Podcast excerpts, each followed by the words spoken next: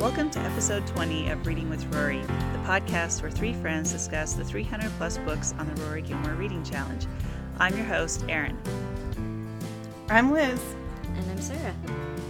Okay, so today we are discussing Bambi A Life in the Woods by Felix Salten. Uh, this book was originally published in Austria in 1923 and then later published in the United States in 1928. Uh, this is going to be a little bit of a departure from Backlash, our very, or well, well, yeah, Backlash, and then Balzac, the little Chinese seamstress. So we're moving farther and farther away from heavy topics right into a heavy topic in a children's book. So this will be great.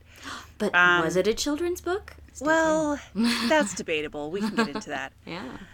Uh, anyway, for those of you who just didn't know that this was a book um, and not just a traumatizingly adorable Disney movie, neither did we until we started doing this. So, fun fact it was a book first. Um, so, here we are. Uh, Bambi, for our Gilmore Girls reference, was referenced in twice to, by our count in season 2, episode 14, and season 3, episode 22. Sarah, you have strong feelings on this and I feel like I should give you a chance to voice those feelings. well, I do appreciate that. Only in that we all know that when they're making these references, they're not referencing this book. No one knew about this book like post 1950. And so I think that it's just, you know, but it's good. It was like, you know, expanding and expanding my literary horizons and uh, but I just maintained that the reference in Gilmore Girls was not to the book. So we just have a lot of books to read. Do we have to read one? but I'm actually not sad that we read this. So there we go. Yeah, it was kind of fun to read it. Although when I would tell people what our next book was that we were reading, they were like, Bambi? And I was like, yeah, the deer. And there were not a few times when um, people would be like, Oh, I didn't know if you meant the deer or if you were going somewhere else with that. Title. I know, like um, adult film. Yeah. yeah. And, mm-hmm. and I was like, that didn't even enter my mind until people started saying it, and then I was like, what? Anyway, I guess it depends on who you're talking to. I guess so. So for all of you out there who thought we were going to be talking about an adult book, you were wrong. An adult book. Well, not that kind of adult book, anyway. Exactly. Uh, all right. Pretty far from it. Pretty far. or is it? There is some mating. it's true. It's pretty hot. Yeah. All right. Well, we'll get into that. Okay. so before we go, before we dive into this uh, sad little tale, no pun intended. Oh, I thought that was so clever. mm, that was pretty bad. Oh, I liked it though. Okay, uh, let's get into our Friday night dinner segment and talk about what we're eating. Sarah, what are you eating today? Um, I am actually not eating anything. I don't have much of an appetite right now, and I'm, you know, don't have the energy to make something up. So I'm being 100% honest with our dear listeners. I'm eating nothing. Fair enough. That mm-hmm. that's a perfectly valid answer. uh, Liz, what about you? Um, having a small, you know, snack of chips and queso, because who doesn't mm. love queso? That's a true statement. I mean, I love salsa more actually, but queso it's hitting the spot. Oh, see, I think I like queso better. But mm. if it's mm. pico salsa, then I might like that better. But mm. queso is really hard to beat. Yep, yep. Who cheese? Mm. Sarah, cheese doesn't sound good. Not really, no. All right, fair enough. Um, all right. Well, I am eating. Um, so I have decided to go on a little bit of a health kick and to try to eat more of a plant based diet. Kind of like a vegan diet, although I'm not going to like completely cut out meat or dairy stuff, but just do more of a plant based diet. And so that means that I need to prepare food ahead of time so that I have things to eat for dinner and lunch. So what I have what I'm having tonight for dinner as we're recording this are some black bean barbecue tacos with a pineapple salsa and they're very delicious. That sounds good. Like you didn't even have to qualify that you're going healthy. That just sounded good. I know. I mean, w- good for you on your plant-based stuff, but that sounds super good. so yeah, they're pretty good. Mm-hmm. I I have been very happy with it. My lunch so that's like my dinner meal for the week. My lunch meal for the week is a like a Moroccan stew that has sweet potatoes and chickpeas in it, and it's you uh, poured over quinoa. That's also pretty good. Yeah, I think that sounds great. Moroccan stew. Should adopt Yeah. that diet right there. Ever the overachiever, Erin. We like it. Well, it's just that like I'm getting to the point where I breathe and I gain weight, and I'm like I have to find another way of living because this is not working for me. And I keep delaying buying clothes because I keep thinking I'll, you know, like lose 15 pounds, and it never happens. That's a that's a toxic spiral to get caught in. You can't do that. You just gotta enjoy enjoy what you look like right now. So I'm like, well, all right, I'll at least like give this a try and just see if it, even if I just feel better and am in like a better, like healthy state, then great. So be it. Well, keep us posted on, on next Friday night dinner. Like it's gonna be something else plant based, or if you're like, I'm eating donuts. We'll know. It's cool. You don't have to tell you tell us that you're done. Yeah, don't judge me too harshly. Alrighty, so uh, let's get back to the book. Now, in case you have wiped this story from your childhood memory, except for the one climatic scene that we'll talk about later, here's a quick synopsis from Amazon, and I kind of like this one. It said, Bambi's life in the woods begins happily. There are forest animals to play with and Bambi's twin cousins, Gobo and beautiful Faline. But winter comes, and Bambi learns that the woods hold danger and things he doesn't understand. The first snowfall makes food hard to find. Bambi's father, a handsome stag, roams the forest but leaves Bambi and his mother alone. Then there is Man, capital M. He comes to the forest with weapons that can wound an animal. Bambi is scared that Man will hurt him and the ones he loves. But Man can't keep Bambi from growing into a great stag himself and becoming the prince of the forest. So uh, there's that. Now, interestingly, Felix Salten, who himself was a hunter, wrote this for adults in the aftermath of World War One. So we're going to get into that a little bit later. But before we talk about it, I want to talk about our impressions and views. So let's talk about how we would rate it. Sarah, why don't you go first? Um, you know, I kind of it's a it's it's difficult to describe. There were some some ways that I actually really liked it. I liked it in its simplic- in simplicity, and um, I thought that it was that the writing that the the prose was just just kind of kind of painterly and beautiful. You can see why it maybe inspired Walt Disney to create this visual, this lush visual world, right? But the story itself and some of the themes in it fell flat for me. And, you know, part of me was like, okay, is this trying to dig at something deeper? Is it an allegory?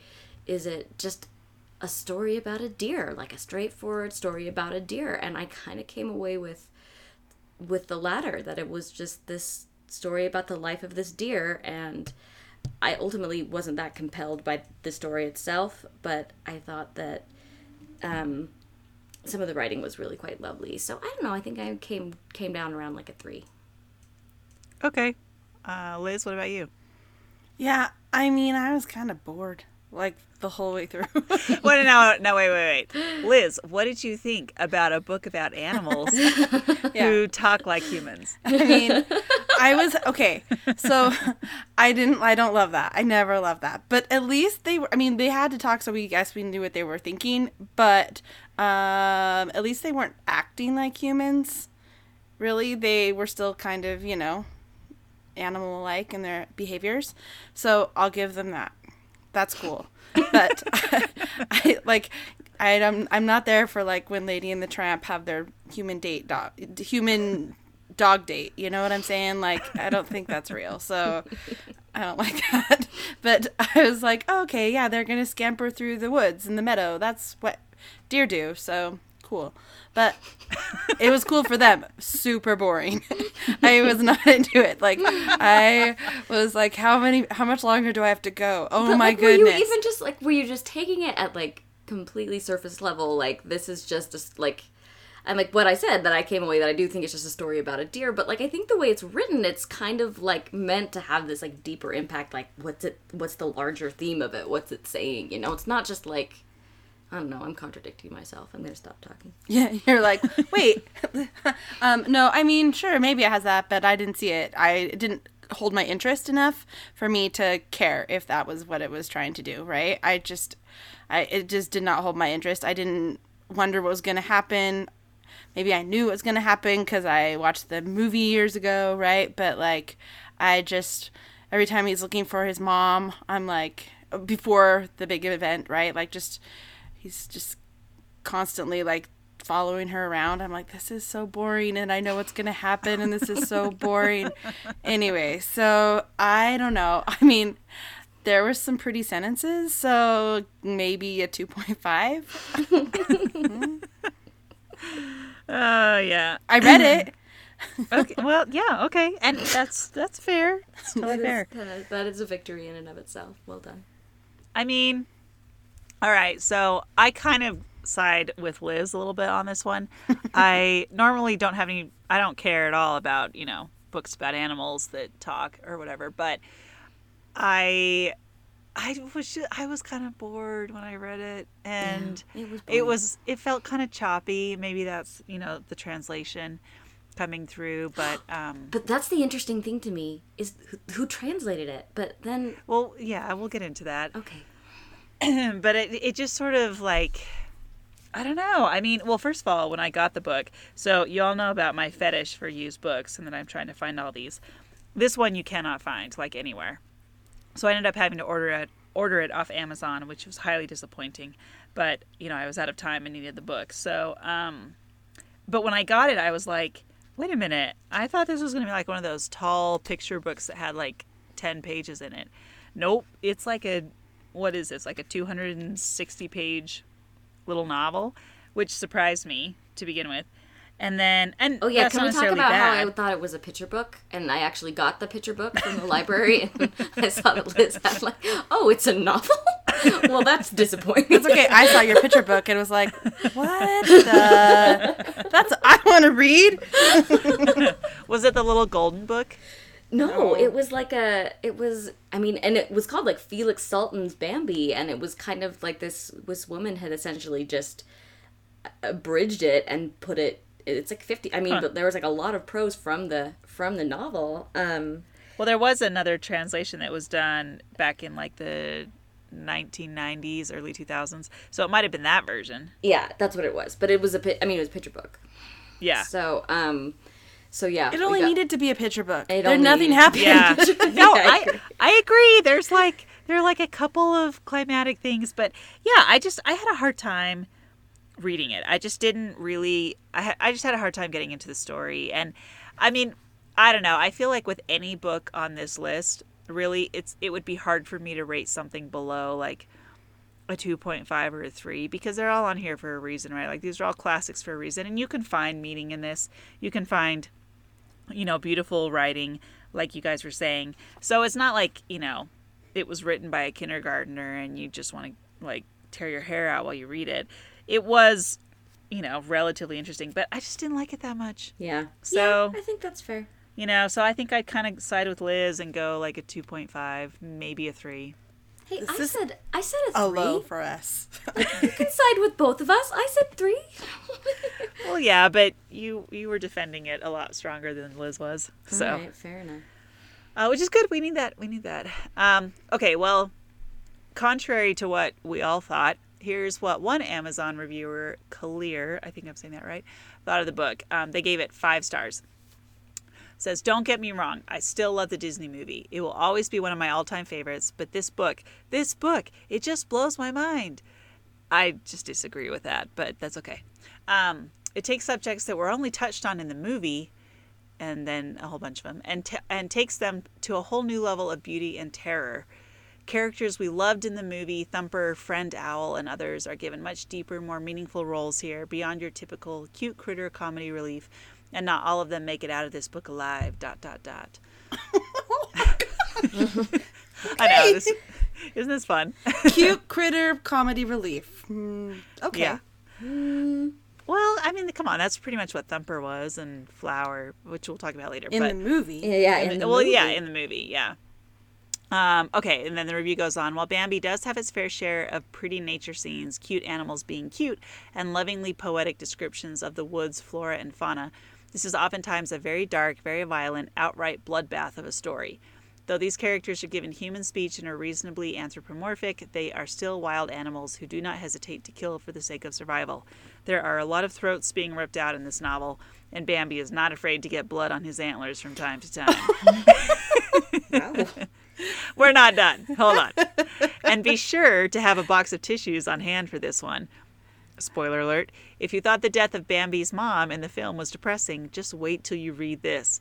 I'm telling you, the death of Bambi's mom is only the beginning in capital letters. So I thought Does this that was person like fun. own stock in Bambi or something? I mean, really invested in it. Kudos for using anthropomorphic. But Yeah. um, okay, and then I also wanted to read the foreword to the book because I read this before I started and I was like, ooh, this is going to be great. And then I got into the book and I was like, wait, what? So um, the foreword was written by English author and playwright and Nobel Prize winner John Galsworthy. This is what he said Bambi is a delicious book.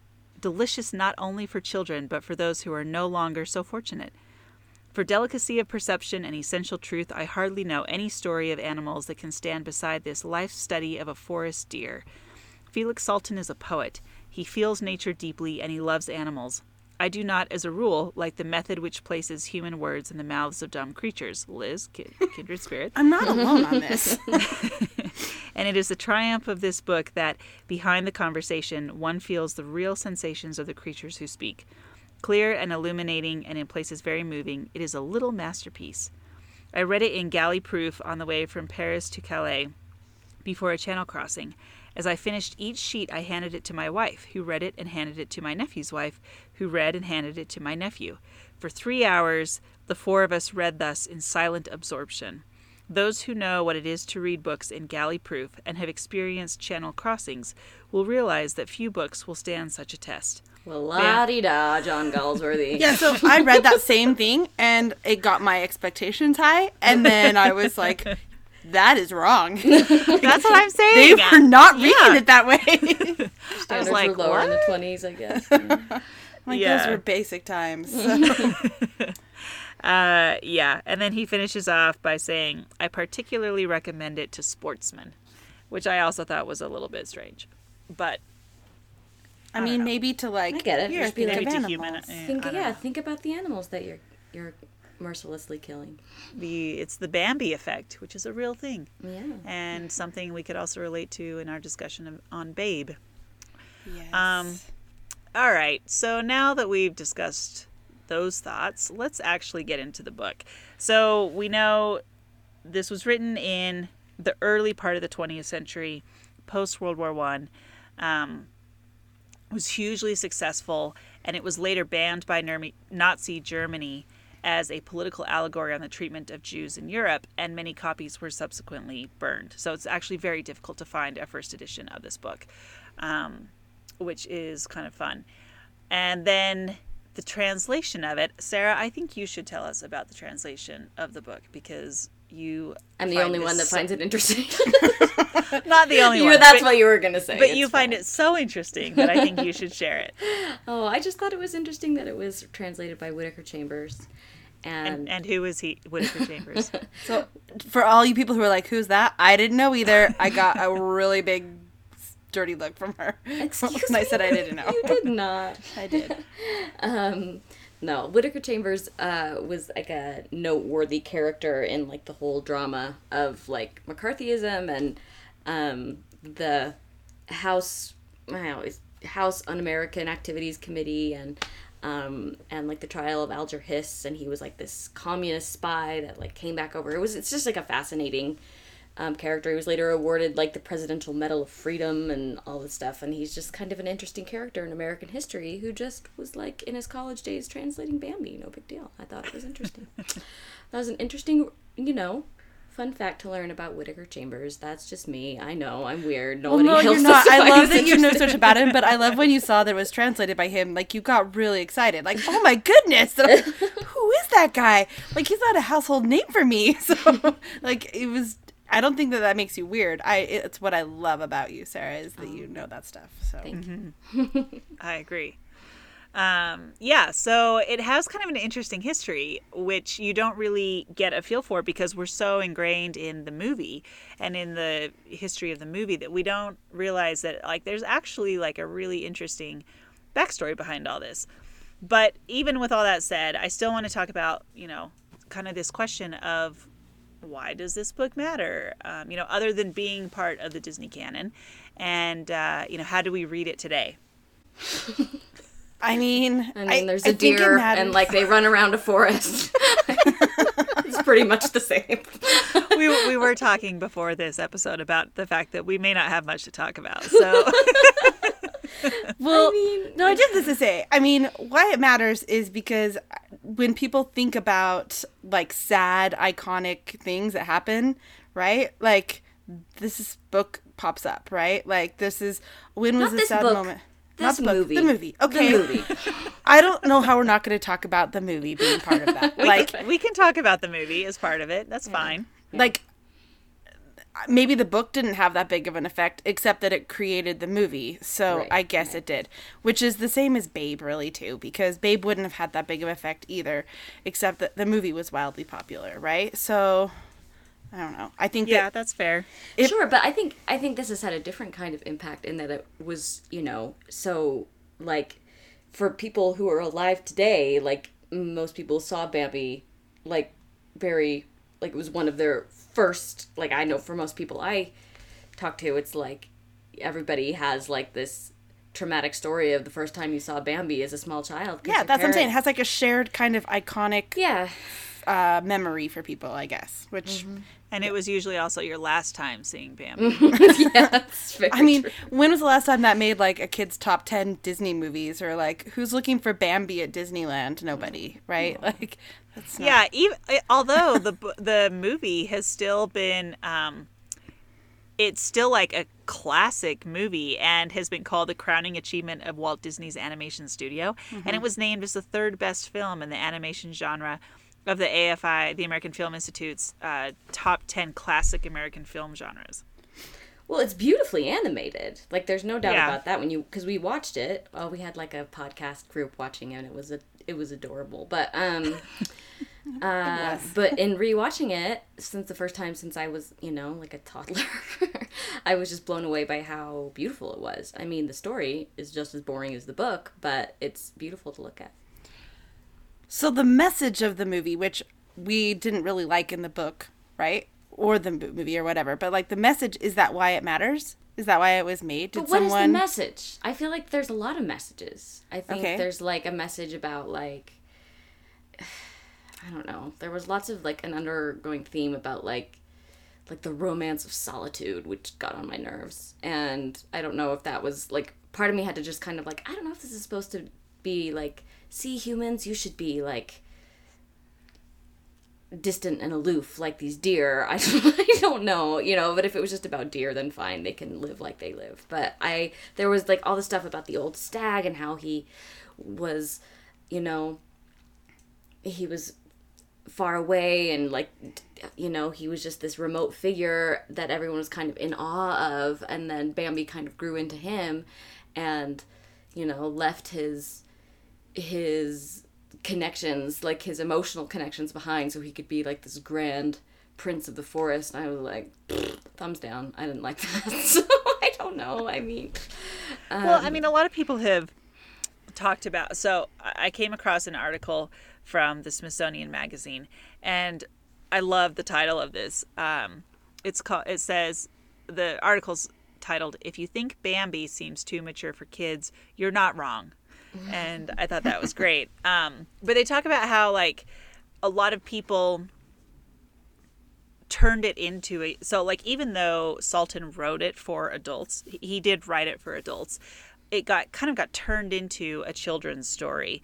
And one of the reasons is because people liked the moral aspect of the book and they liked the idea that you could use it to teach kids about the cycle or like the circle of life and um, kind of like how to deal with hard things. And um, they like they say in the article you know the close parallel between the fawn's becoming a stag and a child's becoming an adult gives the book its moral overtone.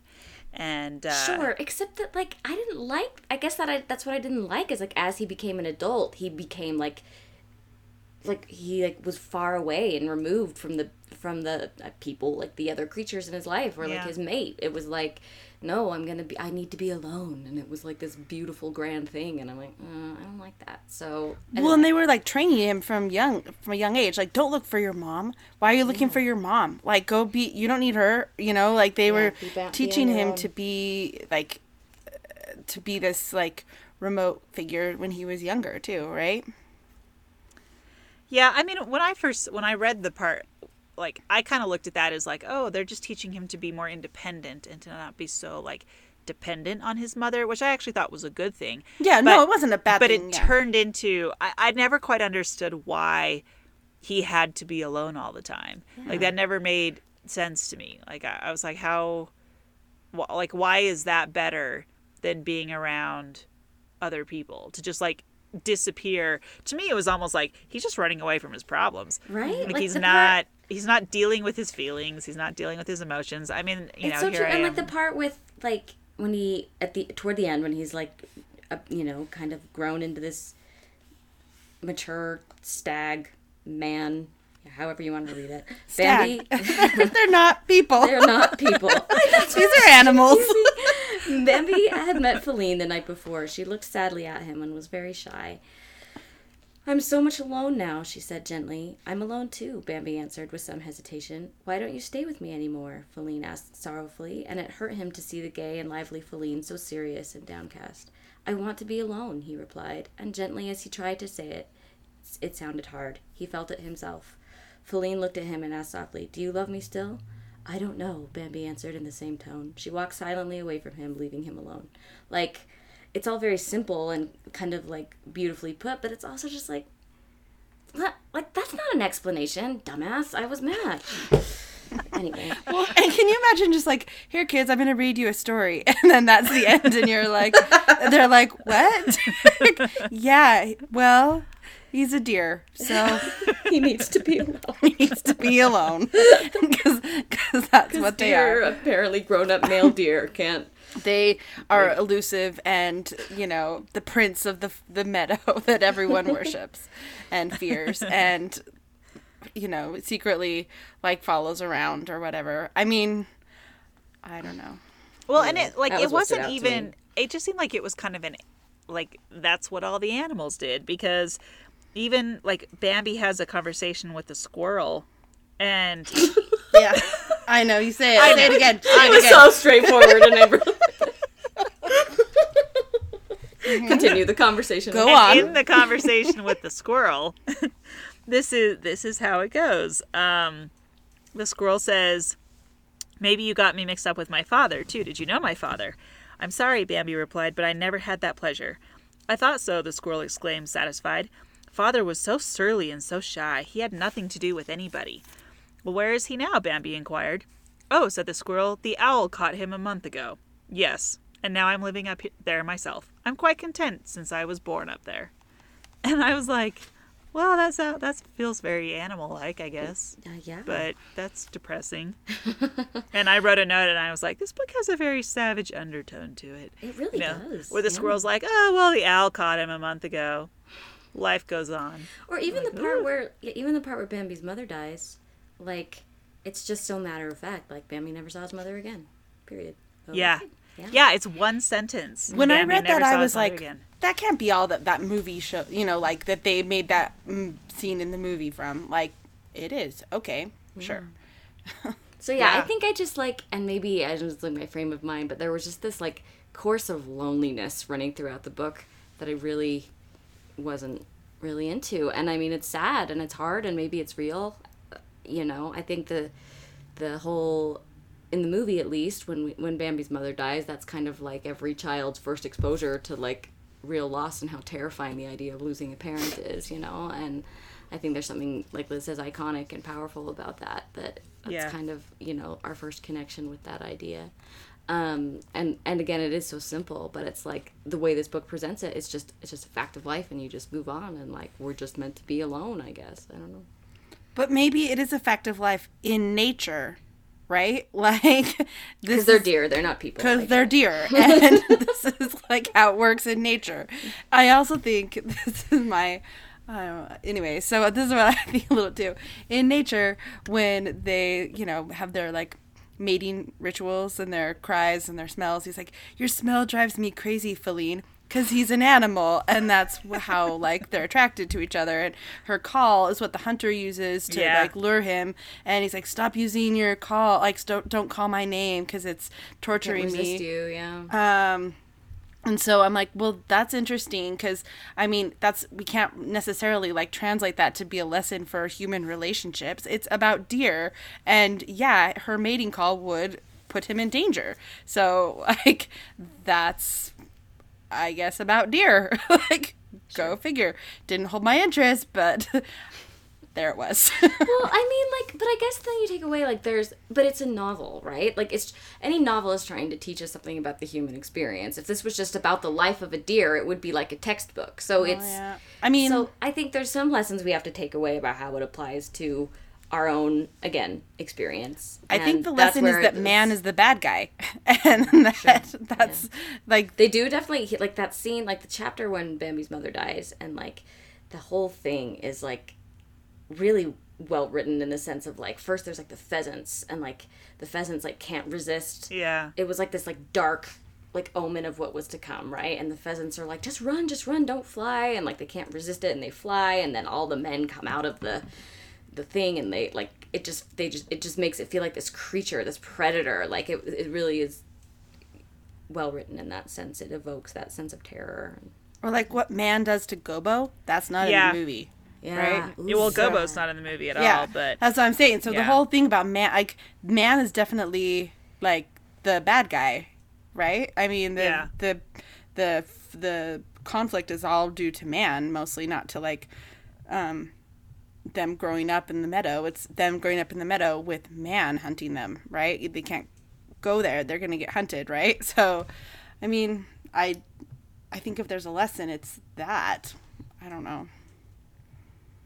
I don't know. I mean, I actually I thought the lesson for me came at the end when like out of nowhere you suddenly get this like religious allegory yeah or moral to it and um kind of came out of nowhere for sure yeah it totally came out of nowhere and because the um the man is dead i assume that the old stag killed him that's how i read it but maybe i'm wrong no i think it was like another man killed him Yeah. Oh, really? That he got shot by Yeah. another man? Yeah. Oh, maybe so. Um. Anyway, but so it says, "Do you see Bambi?" The old stag went on. "Do you see how he's lying there dead, like one of us? Listen, Bambi. He isn't all powerful as they say. Everything that lives and grows doesn't come from him.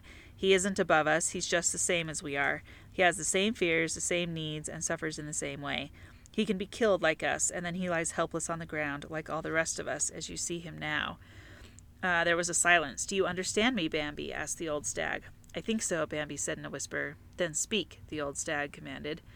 Bambi was inspired and said, trembling, There is another, capital A, who is over us all, over us, and over him. And now I can go, said the old stag. And I don't know, I was kind of like, I mean, That's first a of all, good I was lesson. I didn't read it that closely, I guess. oh, really? oh, uh, didn't give Liz had tuned out. But I was like, oh, good, it's over. well, it kind of, I mean, it stuck out to me because it just kind of yeah me too came out of nowhere a little bit. Um, but it's like this very important lesson, right? Like, look, we're all made from the same stuff, and there is another one out there who is actually over all of us. So he's kind of teaching Bambi, like, you don't have to be afraid. Like, remember the place of everything around you, but be smart and be smart about it. And I kind of felt like that was the lesson that the old stag was trying to teach Bambi, which is kind of the lesson that Felix Salten was trying to teach us. That's what I took out of it. All right i like that So I guess it matters. Good job. Um, I will say though, I loved that there was an entire chapter on dying leaves. I thought that was i actually did really too fun. i thought that was well like i mean I No thought it was- Liz needs to go outside more often. That's all I have to say. Go on with your chapter. Tell me why it's good. I love that. Um, well, I'm trying to find where I. Well, so a couple things that I liked out of it. So they're talking, you know, these are the leaves that are still on the tree, and uh, and they're saying, "Can it be true?" Said the first leaf. "Can it be really? Can it really be true that others come to take our places when we're gone, and after them still others, and more and more?" "It really is true," whispered the second leaf. "We can't even begin to imagine it. It's beyond our powers." "It makes me very sad," added the first leaf. They were silent for a while. Then the first leaf said quietly to herself, Why must we fall? The second leaf asked, What happens to us when we have fallen? We sink down. What is under us? I don't know. Some say one thing, some another, but nobody knows. Do we feel anything? Do we know anything about ourselves when we're down there? Who knows? Not one of all those down there has ever come back to tell us about it. Anyway, it just it, I, it, it's like a really interesting reflection on death and Yeah. on what it's like to die, told in the form of leaves who are falling off a tree. And I thought it was kind of fascinating.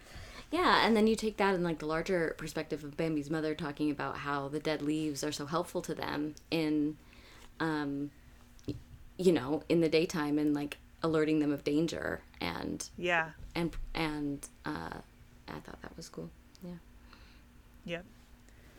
So I liked the dying leaf chapter. Um, okay, well, let's see here. What else? Uh, anything else that surprised you guys about the book or that stood out? But don't you just kind of wonder how, like, the Walt Disney Brain Trust at that time was like, I know, let's turn this into a movie.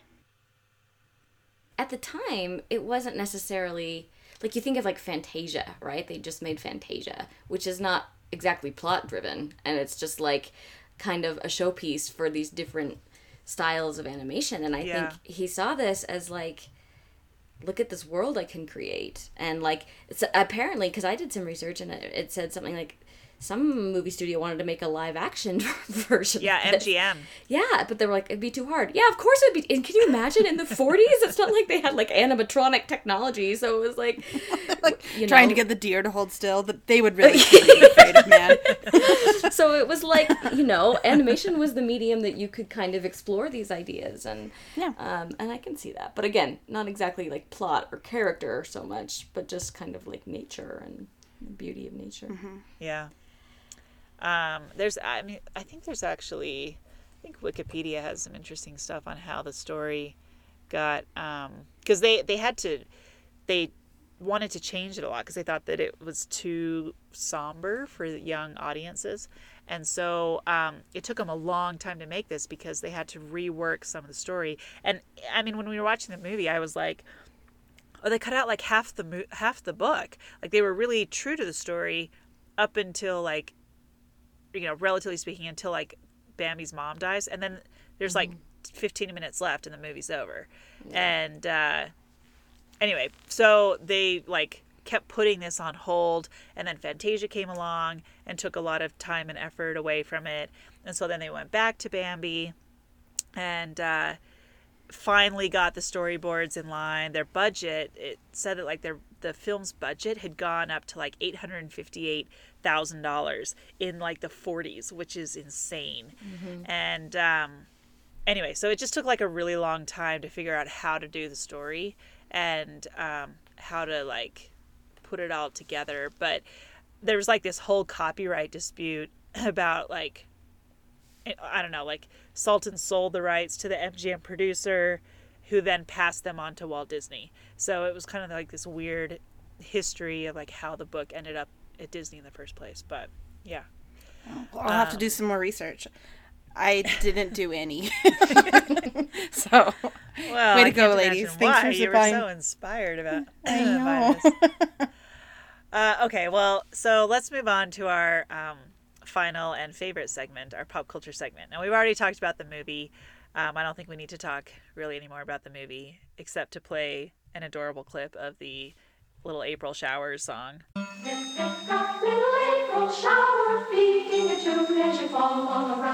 Drip, drip, drop, little April shower. What can compare with your beautiful sound? Beautiful sound, beautiful sound. drum from the sky is cloudy, your pretty music will brighten the day.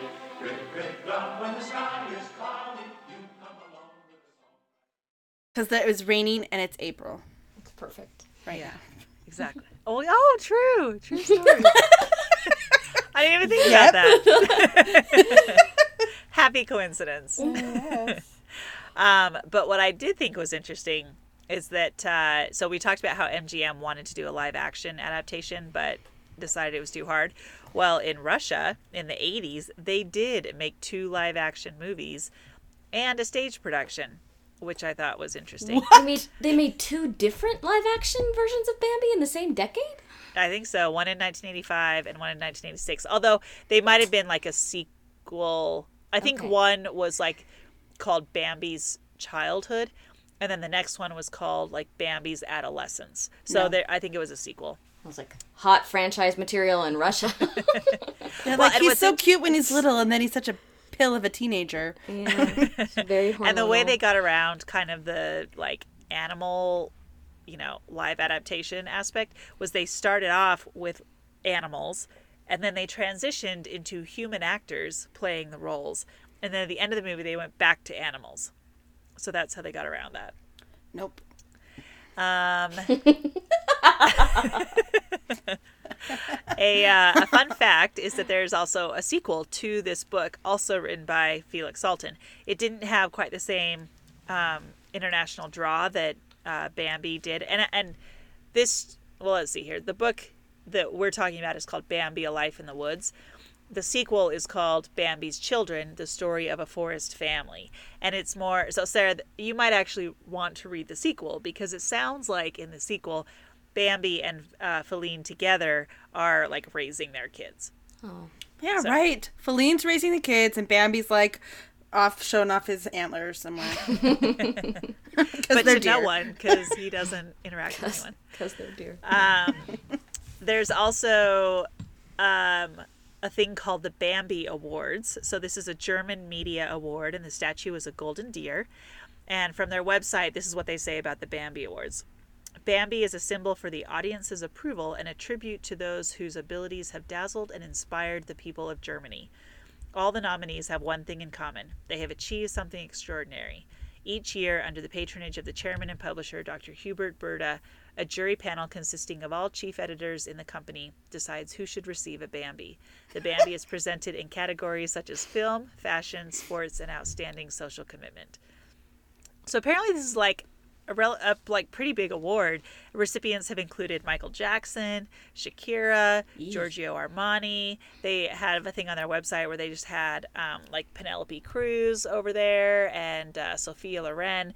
Like, so apparently, it kind of like spans the spectrum. The the point is that it's people who have had some sort of cultural impact on the German people, and that can be as broad as you can imagine. And um, they get a Bambi award. So I don't know where that came from, but that's cool. Well, there you go. And then my favorite bit of pop culture is the uh, ballet. So the Oregon Ballet Theater adapted Bambi into an evening length ballet, which they initially titled Bambi Lord of the Forest. But when we didn't really get into this, but there's like a whole bunch of um, copyright issues around the name of the movie.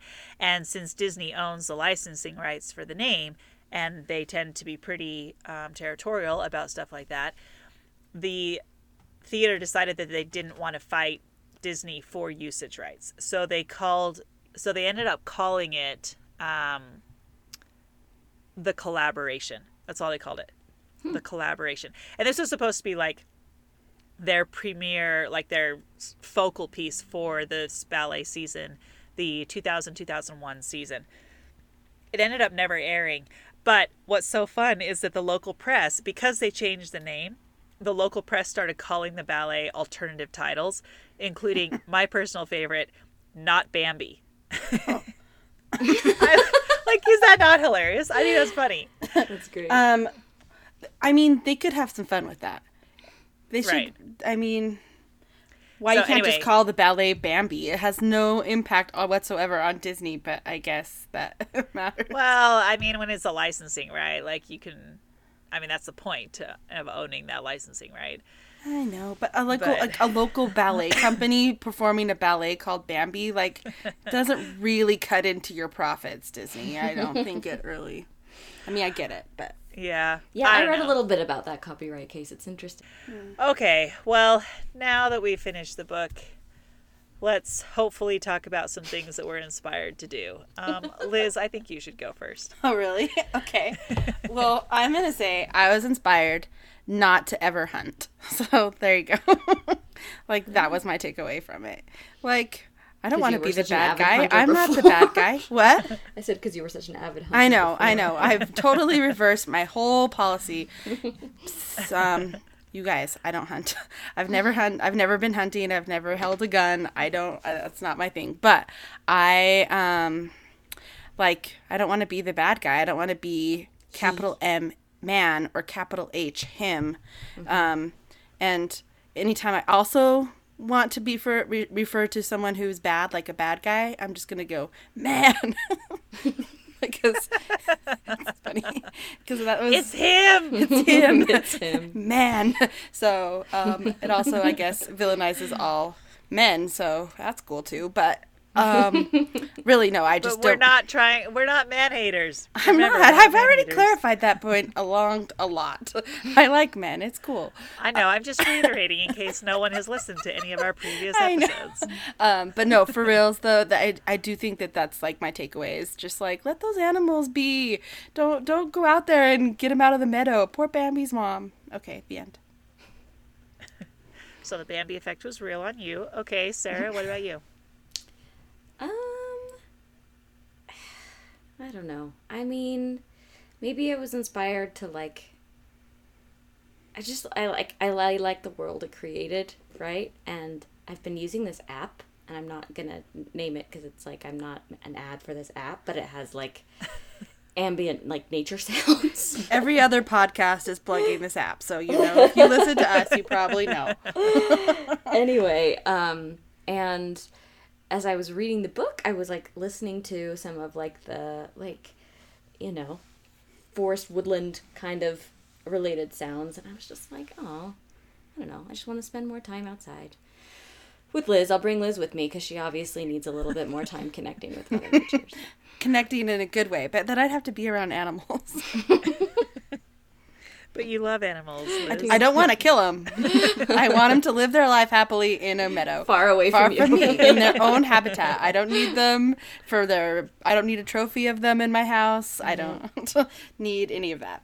Neither do I. But I do I do just but that's the thing, is like, well, maybe I shouldn't be inspired to spend more time in nature because I'm disturbing the sweet little deer and like they just want to be left alone and Yeah. so I guess I'm the, the the point is I will listen to my ambient nature sounds in my own habitat and leave them alone. Yep. All right. Well, I have to say I didn't really feel inspired to do anything, um, I, which is kind of going. It, I mean, that fits with sort of my general takeaway from this book. I mean, maybe part of me feels a little bit more sympathetic towards the deer who come down into my mom's backyard and eat all our flowers, Yeah. but you know, because they're hungry, right, in the wintertime. So I get that. Like, I feel a little bit more sympathetic for them. And they're cute when they just are like sitting in the snow in the backyard there. But they're also a serious pain and they eat all of her flowers and then she doesn't have any. And there's like, we've talked about planting a garden there for years, but there's no way we could do that because they'd eat it all. And so, I don't know. I had mixed emotions on that. And that's really all I have to say. Got it. Looking out for Erin's mom's garden. Some uh, is, Exactly. is the ta- is the takeaway. Yeah, and she's tried all the things. She's tried, you know, like the windmills that are supposed to kind of scare him away. The, you know, the flashy little aluminum thing. She's mm-hmm. tried like little fences. They just find a way around them or over them. She's tried like, you know, I don't know, putting like pepper on the dirt, which is supposed to, you know, when they anyway, it just doesn't it doesn't work. They're just too bold. They're not afraid of man. They don't understand. Like Gobo didn't understand what was happening to him. Yeah, they're little gobos. Yeah. mhm. Aw. I don't know. I did feel bad for Gobo. Yeah, rest in peace, Coco. Yeah. And that if you don't know who sad. Gobo is, You Read could the read the book. I guess. It'll only take you a day. It's not that long. I can think of like a thousand other books you should read instead. So, shoot me an email. I'll give you something else to read. Okay, well, on, On that, that note, um, what did you think of Bambi? Uh, were you also traumatized by the story as a kid, or did you think the did you read the book and think it was boring like the rest of us? Um, tell us. Come find us on Twitter, Instagram, and Facebook at Reading with Rory, or join the conversation on our website at readingwithrory.com. You can also follow us on Spotify. We'll have a cute little playlist that includes the little April showers and other, you know, soundtracks from the Russian movies if we can find them and so Or forth. the ballet. Well, the ballet didn't never existed, so I don't know that we can find that, but we'll try. Not Bambi. Not Bambi, yes. Um, also, don't forget to leave us a review. We love to hear how we're doing, and your reviews help other listeners find us in their feed. So we appreciate your reviews and passing us along to your friends. Next time on Reading with Rory, we are going to be reading Bel Canto by Ann Patchett. So thanks for listening and reading along with us, and we'll catch you next time.